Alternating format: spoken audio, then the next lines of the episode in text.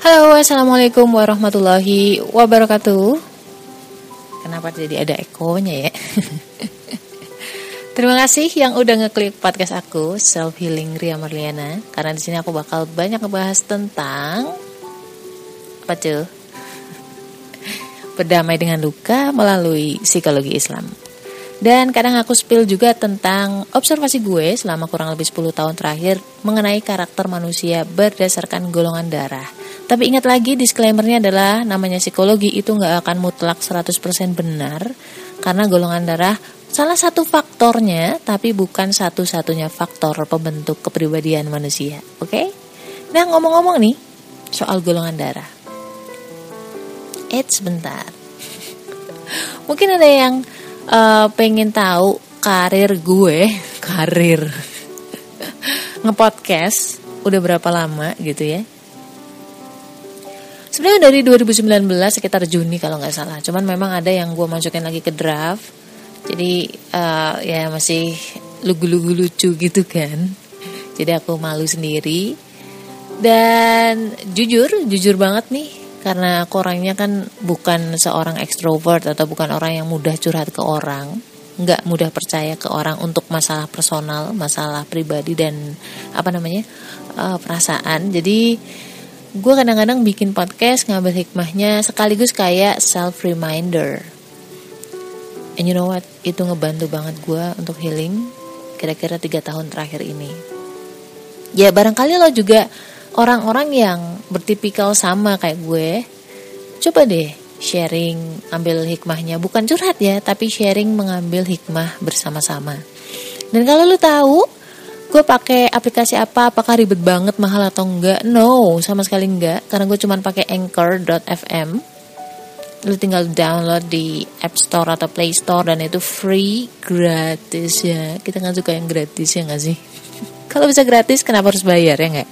Apalagi kalau misalkan nih ya podcast kamu tuh membahana terus kamu bisa dapat endorsan, who knows kan? Rezeki bisa dari mana aja cuy. Zaman sekarang gitu loh. Dan tenang aja karena ketika lu salah misalkan ngomong salah ucap atau apa, kamu masih bisa edit di aplikasi Anchor itu. Jadi nggak usah pindah-pindah aplikasi. Very simple karena tinggal download, cuap-cuap di handphone, kamu nggak perlu tambahan-tambahan apa pun yang lainnya. Udah buruan. Dan jangan lupa niatkan untuk mencari ridhonya Allah dan niatkan untuk beramal jariah. Oke, okay? karena sedekah itu nggak harus duit, cuy. Serius. Apalagi ini adalah hari terakhir Ramadan ya. Tadi malam itu aku pengen nge-podcast cuman gimana ya mata itu berat banget dan ya udah kalah sama ngantuk. pada uh, episode untuk kali ini tuh sebenarnya episode yang lumayan penting buat gue sih, lumayan penting ya, karena banyak dari kita dan mungkin dari kamu juga takut bermimpi. Kok bisa? Kalau lo tahu, sebenarnya kerjaannya setan itu meniupkan ketakutan-ketakutan di dalam hati kita. Kamu cek di surat Al-Falaq kalau nggak salah ya. Al-Falaq ya? Pokoknya Al-Falaq sama Anas. Di situ lihatlah yang was-wasil khonas. Oh, Anas berarti. Yang meniupkan was-was ke dalam diri kita. Takut mimpi nggak tercapai, ya? Takut nanti makan apa? Takut rezekinya dipatok orang. Ah, salah ya? so, gue akan bahas tentang ini, takut bermimpi. Jangan ke mana-mana, I'll be back soon. Insya Allah.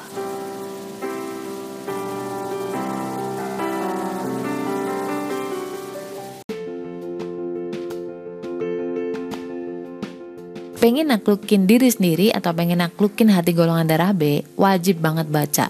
Jangan deketin golongan darah B sebelum miliki buku Beauty in Abyss ini. Tenang aja, karena bahasanya tuh bukan yang ilmiah-ilmiah banget. Ada cerita, ada narasi, tapi nggak sepanjang novel-novel drama atau sastra. Cuman 25 ribu. Link pembelian terlampir nih.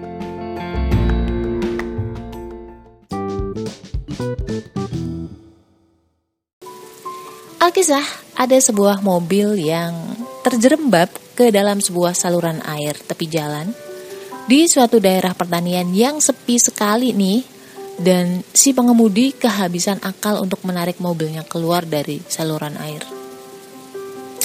Gak lama kemudian ada seorang petani nih datang pakai kereta kuda.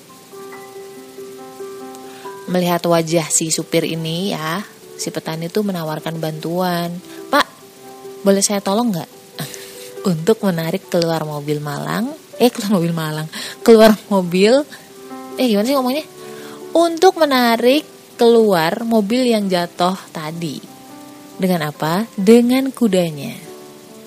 Tapi si supir itu tuh kayak ah masa bisa sih kayak nggak percaya gitu loh karena dia hanya melihat satu ekor kuda aja bagaimana mungkin bisa menarik keluar mobil yang lebih berat dari dia gitu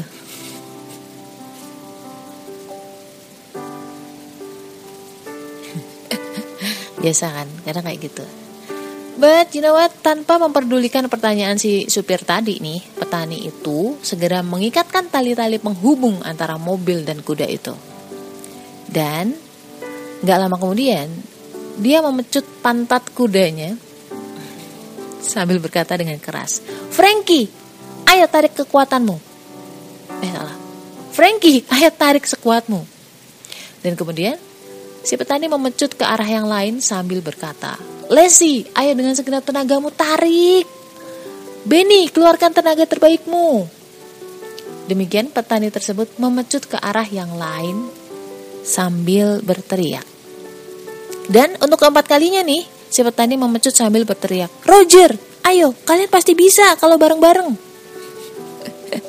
Dalam waktu sekejap, mobil malang tersebut sudah berhasil ditarik kembali ke jalur mobil yang sebenarnya. So, si supir heran dong. Nanya nih ke si petani kan, Pak, kenapa you harus memecut empat kali dan menyebutkan empat nama yang berbeda? Padahal kudanya itu cuma satu ekor. dan dengan tenang si petani menjawab bahwa aslinya kudanya itu buta. Jadi si petani pura-pura memecut empat kali seolah-olah ada empat ekor kuda yang bersama-sama menarik mobil itu. Dan si kuda yang namanya Frankie tadi, maaf ya Frankie, akan berpikir bahwa dia masih punya teman yang lain, Leslie, Benny, dan juga Roger. Sebagai teman untuk bersama-sama menarik mobil yang berat. Sehingga kuda itu gak akan menyerah duluan. Atau malah berpikir, uh, apa salah salah atau berpikir sebaliknya gitu dengan empat eh, empat dengan empat ekor kuda pasti bisa ya gak? dan akhirnya itulah yang terjadi tahu gak sih makna dari cerita itu apa berhasil atau tidaknya suatu pekerjaan dalam hidup? Kadang nih kadang. Kadang tergantung kepada paradigma kita atau cara berpikir kita. Dan peperangan yang terbesar terjadi di dalam medan pikiran kita tuh kita berpikir bahwa kita tuh nggak mampu. Ya nggak? Sering banget gitu. Orang-orang yang takut bermimpi itu karena apa sih? Karena takut dia tidak bisa handling perasaannya ketika gagal. Jadi PR-nya bukan ditakut bermimpinya bukan terhadap mimpinya tapi bagaimana kamu menghandle perasaan kamu itu nantinya. Menyiapkan ketika menyiapkan parasut ketika mimpi lo ternyata digantikan oleh Allah dengan yang jauh lebih baik. Paradigma kita selama ini adalah gagal ya gagal hancur gitu kan. Iya kan? Bener nggak? Padahal Allah itu nggak pernah mengatakan gagal terhadap semua harapan-harapan kamu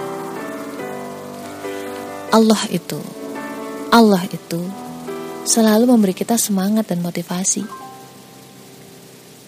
Masalahnya nih kita itu selalu mengandalkan keberhasilan dan tanggung jawab kesuksesan itu ke dalam diri kita. Ya nggak?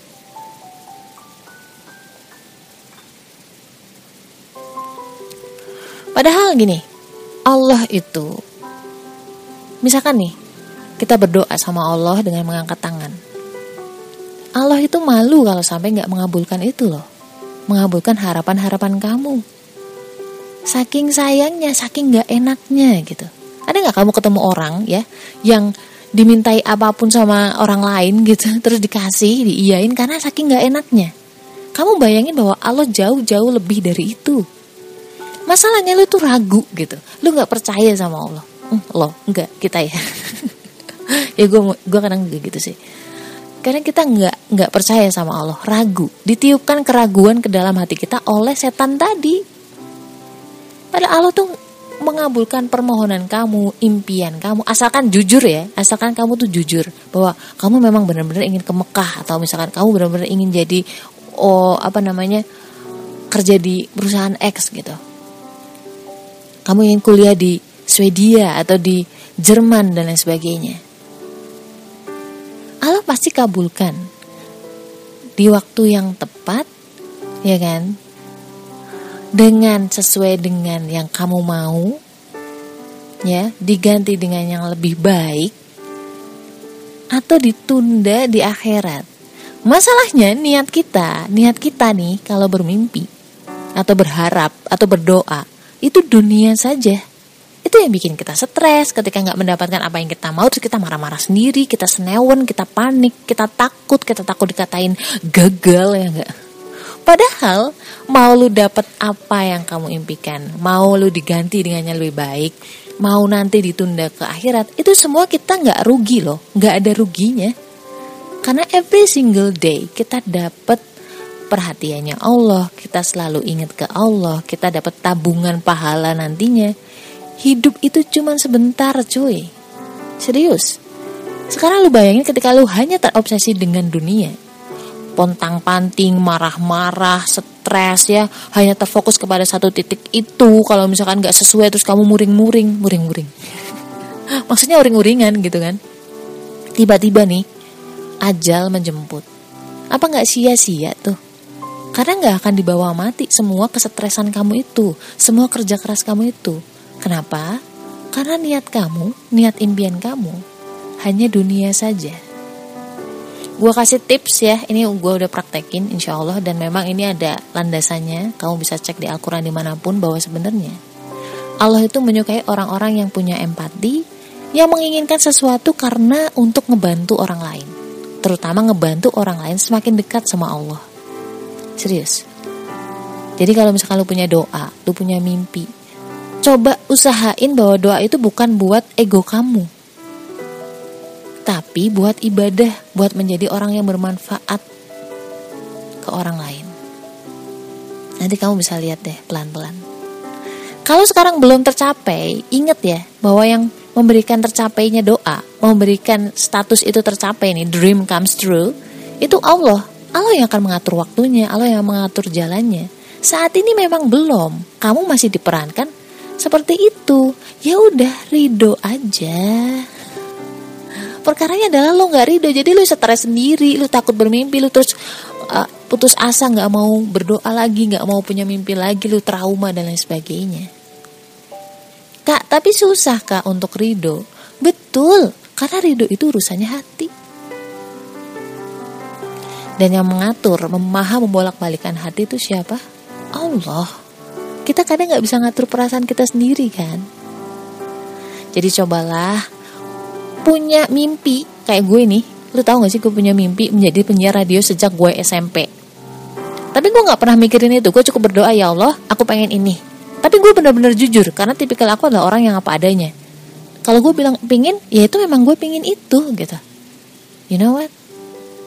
Setelah usia 35 tahun ini 32 tahun lah gue bisa menjadi podcaster dan menurut gue ini jauh lebih menyenangkan dibanding dengan penyiar radio. Seriusan. Jadi bermimpilah, fokus kepada apa yang bisa kamu lakukan sekarang, berdoalah, minta agar hatimu dikuatkan, diridokan kepada skenario apa pun yang Allah siapkan untuk lo. Ketika itu berat, ucapkanlah la haula wala quwata illa billah. Karena nggak ada kekuatan apa pun kecuali dari Allah. Oke, okay?